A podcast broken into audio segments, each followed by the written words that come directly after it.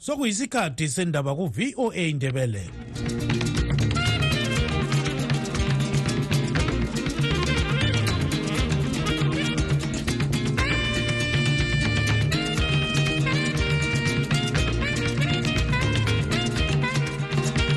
lami ngithathe leli thuba ngibonge uthanono kawande obesipha indaba ngolimi lwesishona. Lingalivuka njani izulu kandaba? Olamukela emsakazweni westudio 7 ngolwesine mhla ziku-21 mphalakazi 2023 nguchris gande endabeni zethu lamhlanje amapholisa etheswa icala lokuvimba abalembono ehlukeneyo likahulumende ukubuthana ukubalisa abakade befuna ukuhlangana betshengisa usekelo lukamnumzana job sikhala ngesonto. Abantu ezimbabwe ayisibo bebandla elilodwa abantu ezimbabwe ayisibo be-political party eyodwa. Abantu ezimbabwe bakhululekile ukuthi bazimele bekhulume ngobandlululo bakhulume ngokuncindezelwa. Abecele le-mrp abakade befuna ukwenza umhlangano werali emakhokhoba lamuhla labo balisiwe ukuqhuba lumhlangano ngamapholisa. Bayawazi ukuthi i-mrp esilayo kathesi yiyo kuphela esifuna ukukhulula ilizwe angaze yenzeni nxa ukuthi bathunywa ngumnangako ngibatshelile amapholisa ukuthi no this is not going to end well. Ezinye izizalwane zezimbabwe ezihlala kwele south africa zithi azisoze zenelise ukuya ekhaya njengenjayelo ngoba zibhekane lodubo lokuswelakala kwemali. Zonke lezi ndaba lezinye lizozizwa khonapha emsakazweni westudio 7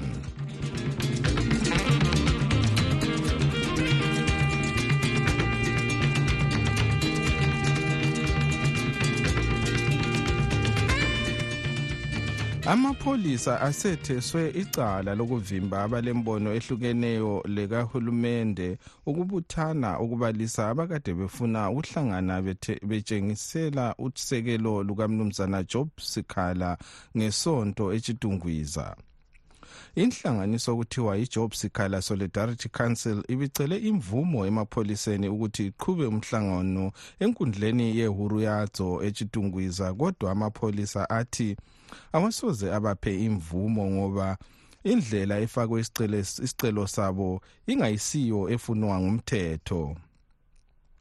Amapholisa kawacacanga ukuthi yindlela bani abayingayilandelanga umqoqi wenhlanganiso ye-job sikhala solidarity campaign umnumzana obet masarawure uthe inyathelo elithethwe ngamapholisa litshengisa ukuthi bengezwa ibizo elithi job sikhala bayagedla amazinyo. Usikhala usejele lapho asehlezi okomnyaka owodwa lengxenye engathoniswa. Sixoxele isikhulumeli senhlanganiso yababalisi e-progressive teachers union of zimbabwe ebingeyinye zenhlanganiso ebezikhangelelwe ukupha usekelo umnumzana themba kuye moyo okwakuqala hlehle thina akade sikuyenza bekungaso kutshengisela ukuthi abantu bebebhikitsha bekuyindlela yokuthi abantu bayekhala kuhlanganwe kuxoxwa besiyakhuluma ngendlela ujob scard aphathwe ngayo langendlela okuphathwa ngayo bonke abantu abakhangelelwe ukuthi ngama-political opposition members. Okunye sikukhangelayo okukhulu kakhulu sizama ukubona ukuthi kati ezimbabwe idemocracy okukhulunywa ngayo iyavumela i-multi-party association i-multi-party association of ordinary members. Abantu nxa sebekhuluma ngezombusazwe bese bebotshwa bengathonisiswa thina kakhulu kakhulu ade sifuna ukuyakuveza sikuyenze ukuthi sikhangele indaba kajob scatter lesikhathi asesihleli lesikhathi esisetshenziswayo ukuthi lamuntu usenkantolo kusasuphumile izinto zona ziyana zonke nxa sezibuya zisitshengisa ukuthi umthetho ezimbabweni awusivumeli ukuthi ube ngumuntu okhululekileyo ukukhuluma indaba zakho. Manje libona kumele kwenziweni njengoba livinjwa ukutshengisela phezu kwalolu daba. Okubalulekileyo sikhangela ukuthi izimbabwe lilizwe elikhululekileyo. Abantu abahamba empini abalwela ilizwe leli okwakuqala kwakuyikunikeza amalungelo alingeneyo ebantwini bonke. Singakhangelelanga ukuthi umuntu ume kuluphi uhlangothi sikhangele kathesi nxa sesihlangana lale indaba enje ukuthi thina kasisami ukukhuluma ngakho. Sesifuna ukukhuluma ngakho size sikhulume ngazo zonke ezinye izibotshwa ezibotshwayo zibotshelwa indaba yezombusazwe. Okwamanje sesikhangele ukuthi ikhansili le eka-job scalar solidarity inabe zonke indawo ifike. Khathesi nxa bekhangela ukuthi kuseharare nxa bekhangela ukuthi kukobulawayo bathole ukuthi sisendaweni yonke sikhuluma ngegama elifananayo ngezinye indlela sebesincedile ukuvula amasango ethu ukuthi amasango kawavuleke kukhulunywe ngendaba eyenzakalayo ezimbabwe ngokuhlukunyezwa kwabantu benakanela ukuthi baku-opposition. Benakanela ukuthi balwisana lohulumende lanxa sikhangele ukuthi abantu bamele abantu bafuna ukuthi abantu abantu ezimbabwe kayisibo bebandla elilodwa abantu ezimbabwe kayisibo be-political party eyodwa. Abantu ezimbabwe bakhululekile ukuthi bazimele bekhulume ngobandlululo bakhulume ngokuncindezelwa.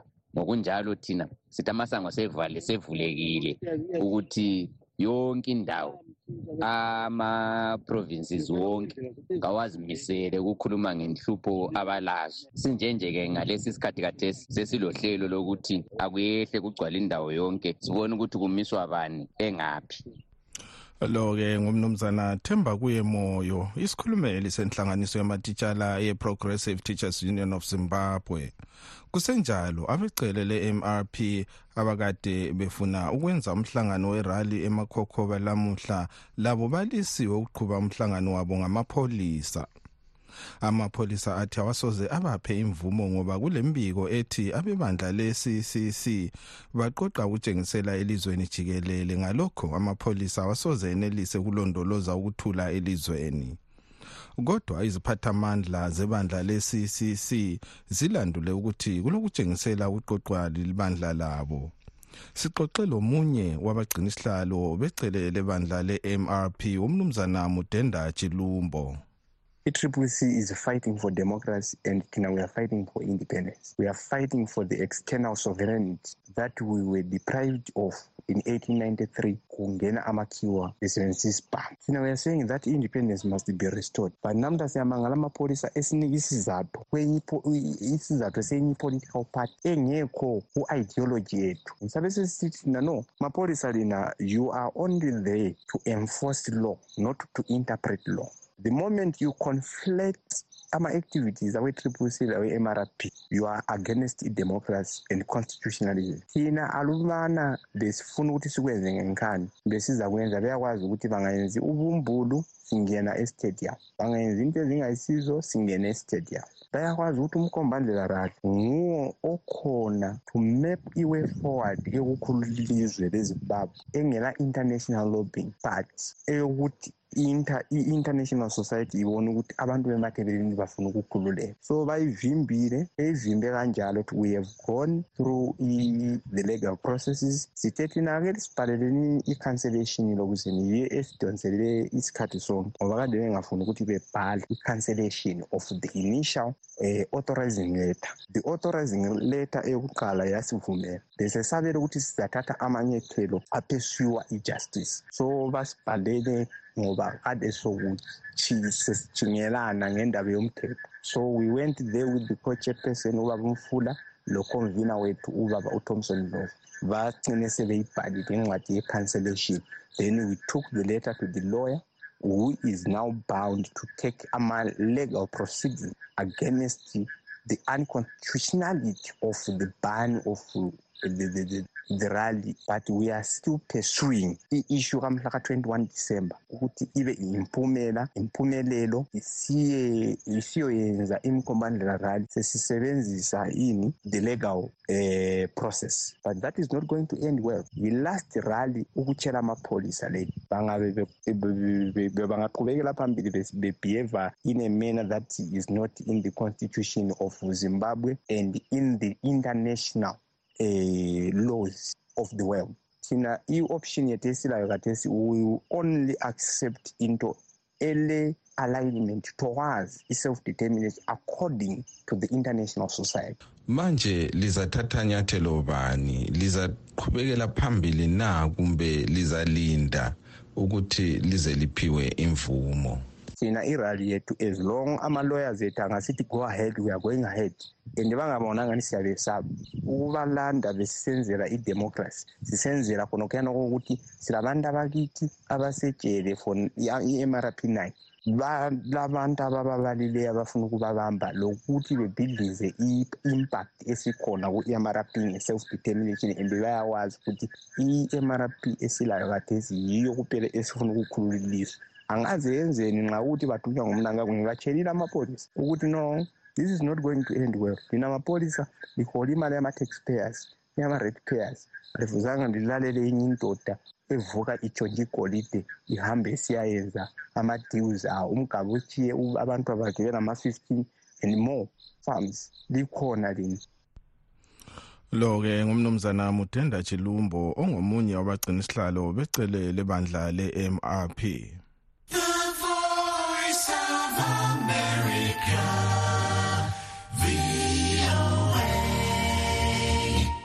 ezinye izizalwane zezimbabwe ezihlala kwele south africa zithi azisoze zenelise ukuya ekhaya njengenjayelo njengoba zibhekane lodubo lokuswelakala kwemali kanye lokwanda kwendingeko zabazali.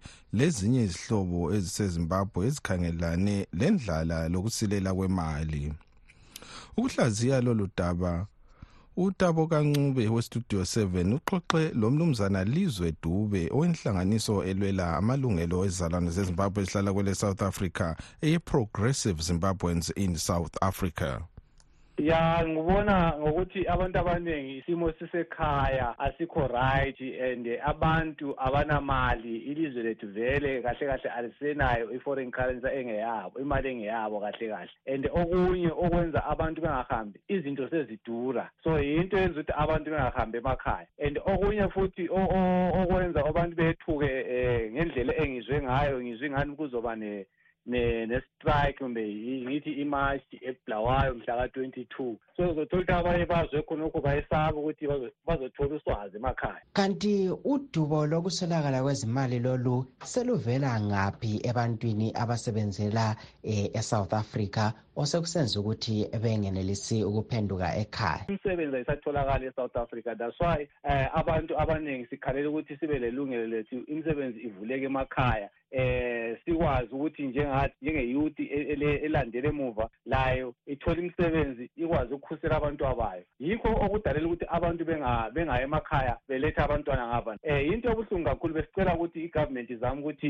ukuthi sinakekele lapho. Sikhangela-ke okwenzakalayo konke lokhu singabona kusiba lomahluko kukhisimusi yalonyaka nxa siyiqathanisa lekhisimusi eminye iminyaka edluleyo ikakhulu kulabo abasebenzela eh, khona ngapho kwele south africa. Izobe ihluke kakhulu kakhulu kakhulu ngoba abantu abaningi baqala ukuthi abalamali. Izobe ihluke kakhulu izususizi and lendlala yikho thina sikhala siyi-progressive i-progressive sikhalela naleyo ukuthi khalela amalungelo abantu. Yikho sikukhalelayo khona sikhalela ukuthi sibe lamalungelo sibe lempumelelo ezimbabwe. Ichrisimisi yalonyaka vele abantu ayisoze ibe right because bheka manje lezulu alikho indlala basendlaleni abantu abaningi abasebenzi especially ngapha egolda that's why beletha abantwana ngapha egolda egoli kodwa sokwehlula ukuthi abantwana bebuya lo-ke ngumnumzana lizwe dube olwela amalungelo ezizalwane zezimbabwe ezihlala kwele south africa phansi kwenhlanganiso ye-progressive zimbabweans in south africa.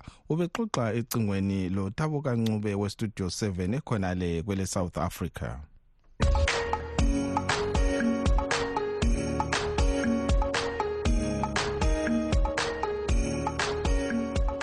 Okwamanje sengidedela emuva ngilichiya ezandleni zenu lina balaleli bethu kumbiko elisithumele nge-whatsapp. Injani kustudio seven injani kustudio seven. Ya siyabona bakhuluma lapha kuthiwa kulungiselelwa iholiday ekamhla ka-twenty-two december. Um mina njenge-ground survivor angilithakazeleli leli langa. Instead limbisela ama-nightmares limbisela imicabango ebuhlungu kakhulu into esayenziwayo. Ya ngoba abantu bahlukuluzwa kakhulu. Ngithi mina lilanga lokuthi sifundise abantu bethu ukuthi saphathwa njani kuleli lizwe. Ya abantu bebulawa omama bedlengula imizi itshiswa abantu bakithi bexutshwa bebaleka besiya egoli ukuze bonabo abavela empumalanga bebuye bezothatha indawo zabo ngapha kwelemandebeleni kungavele kimi lilanga elibi kakhulu ukuthi kuvela solanga endikhumbula kuhle. Ngiyacaphuka kakhulu uma kukhulunywa ngalokhu ngithelela ulaka kodwa ngiswele ukuthi ngizayenzani studio seven studio seven njani ngithanda ukukhuluma baba lo-anglican sibande hhayi baba uyakwazi ukumkhulumela umthuli ncube uyakwazi ukuyikhulumela izanu p f. Kodwa iyakwazi ukuthi izanu p f iyehluleka nayo umthuli ncube iyehluleka kodwa eyi hhayi bakhulumela kamnandi. Uyakwazi ukukhulumela into emdlisayo into adla kuyo hawu uyakwazi ukuyikhulumela hawu yakhanya ukuthi naye ngomunye odlayo sibili nothi kancane. Umthuli ncube ngayibona ukuthi i-economy yezimbabwe kayenzi waye engayekeli kayekele phela umsebenzi wangikhona. Izanu p f ukuthi asitshele ngabo-esap asitshele ngabani ngokuhamba ngokuhamba ngokuthatha amaplazi. Thina kusincedi ngalutho. Anti izanu p f yathi izokhona ukukulungisa i-economy phezu kwakhonokho. So if isehluleka ukulungisa i-economy kayekele yikukwehluleka kwangikhona phela. Yikukwehluleka kwangikhona kumelanga isinikeze ama-excuse. Kumele iphume sibona abanye abazolungisa ilizwe yona kumele iphume izanu p f. Hayi babusibanda angazi ukuthi ngumfundisi onjani osaphotha izanu p f. Because izanu p f isaphotha ngabantu abangcolileyo ngabantu abanegazi kuphela ezandleni. So wena angazi ukuthi ngumfundisi onjani baba eyi ngizwa ubuhlungu kanjani? Studio seven linjani? Okhulumayo ngutshudiyo kamthembu kobulawayo lapha. Indaba kasayingezo leyi ingani isesihluphile kakhulu emoyeni yethu bengifisa ukuba aluba um upresident we-ccc um le-executive yakhe yonke bayahlangana bahlale phansi bayenze i-structure esizayenza ukuthi usengezo engabi khona ahle ahle abone ukuthi yena vele ayisilo lunga lephathi leyi yindlela yokuthi umuntu lo sihlukane laye engasihlukumezekanga ngasesihlukumeze kakhulu kakhulu kakhulu kakhulu. Ngendlela enjalo kumele ukuthi kuhlalwe phansi kuhlalwe kwenziwe ama-structures akhanyayo ukuthi ubani ngubani ubani ngubani ubani lesikhundla lesi okhulumayo ngubani olamandla lawa ngubani okwenza lokhu ngubani ngoba nxa kunje singazanto sisemahlangeni lokhu singane sidlala ibhora elingelamoya hhayi bakithi asizameni ukuthi sizinakakele senzeni into ezasiphumelelisa ikusasa yethu yabantu bethu labazukulu bethu. Ngiyabonga. Studio seven ndivuka njani ndivuka njani basakazi labalaleli? Hayi siyavuka. Um hayi sibonge izindaba. Yabona indaba yasezimbabwe indaba yabo-c c c indaba yabo-chabanga um uchamisa omnankagwa um zimbabwe nje ezeholo i-nonsense um into engekhoyo ke leyana um singabantu bezimbabwe ngendlela nje sokumele esesihlupheke ngakhona into sokumele siyenziwe kodwa nje sokumele sike sibheke sikhangele. Khuluma lani bantu basemashonaland kakhulu lini ngoba lina yini elifuna ukulokho lizibhizi lizibhekele esayidini? Lifuna ukuvotela abantu benu abangamashona. Votela kodwa liyababona ukuthi basihlinzele ezibini labantu kungani lingake lithi lani liyabona ukuthi ikhona kuyukuthi aliyithandi ngoba lina ayilifuni yalibandlulula votelani votelani sikhipheni izanu p f um sikhipheni izanu p f izinto zibe right ngiyabonga studio seven studio seven salibonani okungelelani nhlahla lakhi wesiganda endaweni yakomagona embeleswakhe mina into endithanda ukuyazi ukuthi kade uchamisa yena wahlutshwa nguchabango ukuthi akhiphe uchabango kusho ukuthi uchamisa naye kulesi citizen esenzayo so angazama ukuvelela abantu egcekeni amatshono studio seven ya like libe liyakubona ke studio seven lalabade lokwesithi uchabango uright nango uchabango ephalandaba chabalala izanu isifake yona le uchuma yena lo. Obesebenza lo sengezo udiliza. I-ccc ukuthi yena angene. Izanu isifake into abe yi-candidate uchuma kuma-by-elections. Sokumgcekeke ukuthi uchuma obesebenza lo chabango into one. So into kumele siyenze bantu bephelandaba chabalala yikuthi let's make sure ukuthi uchuma engawini. Ungangcono bengakhipha u-ostalos i-candidate ukuthi engabi yi-candidate sivoteleni lo ngomthengisi lo. Uchuma vele ngoba lapha singake sifake izanu uchaba kufunda kodwa asikhawuliseni ama-papers. But let's make sure ukuthi lo uchuma lo okhotha izanu day and night vele anganyatheli. Ubevele edinga khona ukuthi basebenze lo chaba sokuyaxotshwa lo uchamisa kungene yena uchuma let's make sure ukuthi vele angangeni uchuma ngoba uchuma izanu liyane inyanyisa enyanyisa nyanyi nyanyi nyanyi. Samele emsakazweni. Kuyadanisa kakhulu ukuzwa igqotha likasengezo chabango elingunqobane sithole eyikhulumela indaba kasengezo chabango engani yinto ezizwayo endlebeni zethu singamazimbabweni ekhohlwa kwazi ukuthi ubuhlungu abasizwisa bona fa lo muntu okuncweba isilonda izanu p f kade ihlukumeza amazimbabweni and amazimbabweni akakayifuni layo akwazi that's why bethatha ifesi kachamisa ngenkani besayikhipha enkantolo. Ujaji sithi sisebenzisani lina sengezochabango i-triple c ngeyenu. Kodwa bekwazi ukuthi upresident we-triple c akayivumi leyo nto. Le fesi yakhe bayisebenzisa ngenkani njengezanu vele ibusa amazimbabweni ngenkani. Amazimbabweni izanu ayizonde njengosengezochabango laye lunqobane bahambe kuze ukhalipane phugeni ukuthi ma abantu bemhlebele emadlebeni bathini ngendaba yakhe. Yikho engasayikhulumeli ukhalipane phugeni sikhulunyelwa nguye. Indaba yakhe lo sengezochabango bathemba izinkantolo zezanu ngoba bathunywe izanu kodwa amazimbabweni wona ayakwazi lapho ami khona. Abayifuni ngitsho lakancane lento kasengezochabango yokurikhola abantu esabafakayo thina berikholwa ikhoti ngoba ikhoti izanu esasibadlile izekhu yehlulekile ukusiriga. Namhla baphinda futhi bathi basilokuza ngenkani bafaka ama-double candidate wabo lezanu ukuthi besebenze ephalamende. Abaqhubeke sobona khona siyabonga. Studio seven studio seven linjani? Basakazi bamabahle abasabazi abakhuluma indaba eziqondileyo mina umbuzo wami bokuyilowo ukuthi bengicela ukubuza ukuthi kathi yena um uchabangu le-ccc kungathi into yakhona ayibonakali kahle ukuthi i-ccc ngekachabangu kumbe ngekachamisa. Inkinga yakhona lokuthi khona uchamisa wasuka waba yi-one. Ayikho vele iphathi engenabasekeli bakhona like abakhulu bakhona like o-vice president o-secretary o-treasurer. Yena inkinga yakhe uchamisa ubambe wonke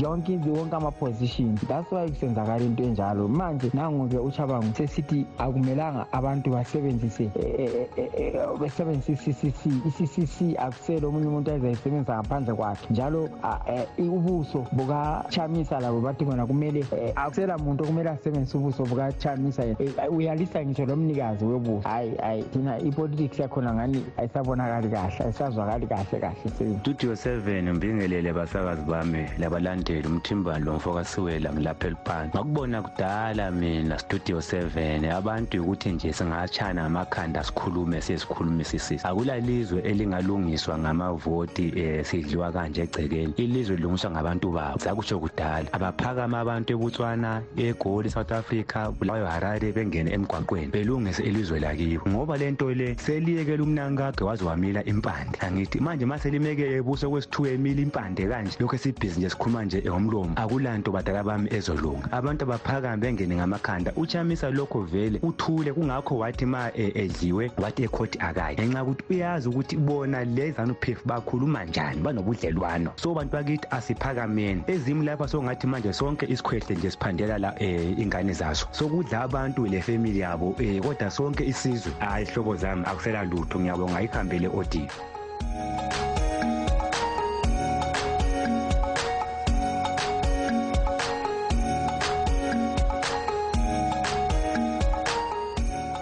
lawo-ke bekungamazwi enu lina balaleli bethu elisithumele nge-whatsapp kunombolo zethu ezithi plus 1 202 465 0318 ngesikhathi senguquko kungacaci kahle okwenzakala emhlabeni. Esikuzwayo kungayisikho esikubonayo. Sidinga iqiniso. Sitshelwa izindaba ezingaphelelanga. Silahlekelwe liqiniso. Ngesikhathi sohlupho amaphupho ethu ithemba lezifiso zekusasa enhle kwenzakala uma abezindaba bekhululekile. Kumsakazo we-voice of america silethulela izindaba ezitholwa ngokuzinikela okuphezulu. Sixhumanisa abantu ngokubethulela iqiniso. Kumsakazo we-voice of america. Silethulela okwenzakalayo njengoba kunjalo.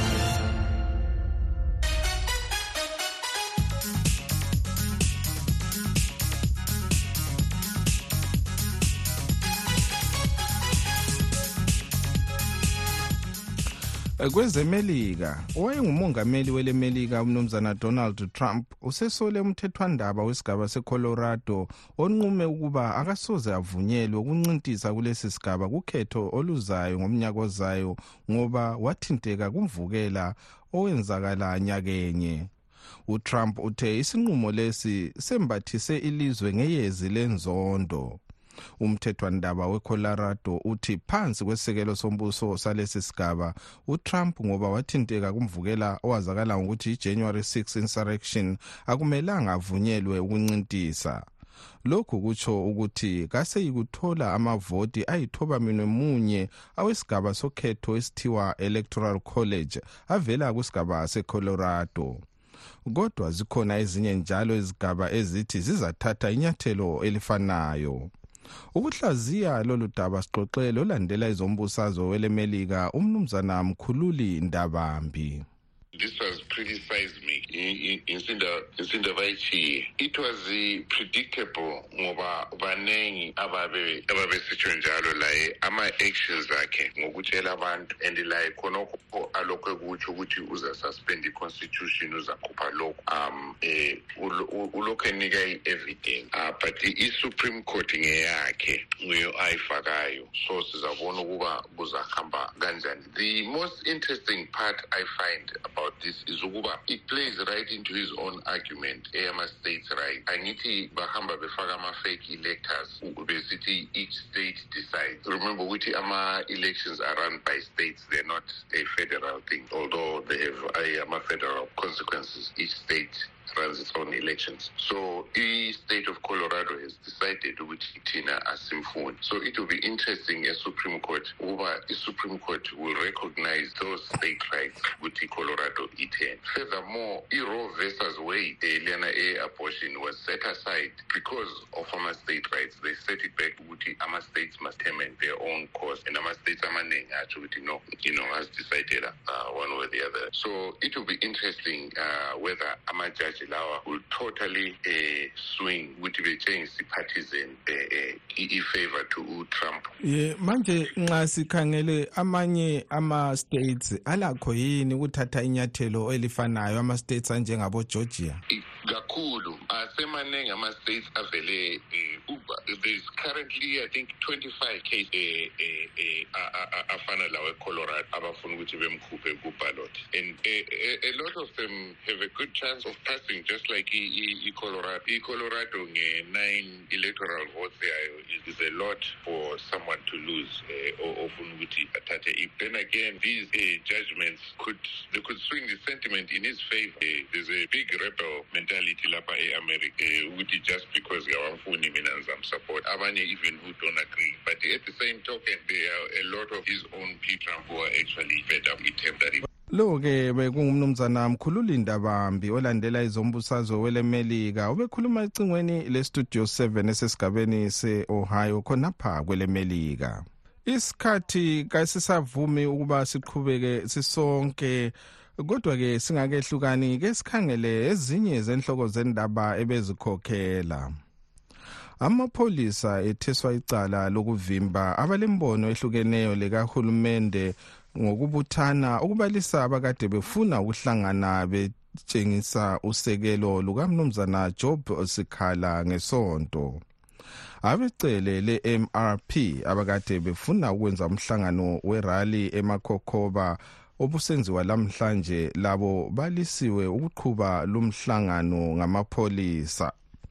Amapholisa aphe isizathu sokubana bengahlangani ngoba abebandla le-ccc bakhangelelwe ukutshengisela ilizwe lonke jikelele. Ngalokho amapholisa athi wona akusoze kube lula ukuthi bavimbe kumbe ukulondoloza ukuthula. Kodwa-ke bona abebandla le-ccc batshele i-studio 7 ukuthi lokhu akusilo qiniso ngoba bengaqoqi ukutshengisela lokhu okukhulunywa ngamapholisa. Silugqiba-ke lapha uhlelo lwethu lwalamhlanje abangenelisanga ukuzwa indaba zethu lilakho ukuzilalela ebulenjini ku-www voa ndebele com. Olivalelisayo ngisithi asidibaneni njalo kusasa sikhathi sinye. Igama lami nguchris gande lingakhohlwa ukuthi silazo ezinye indaba ntambama ngo-half past 7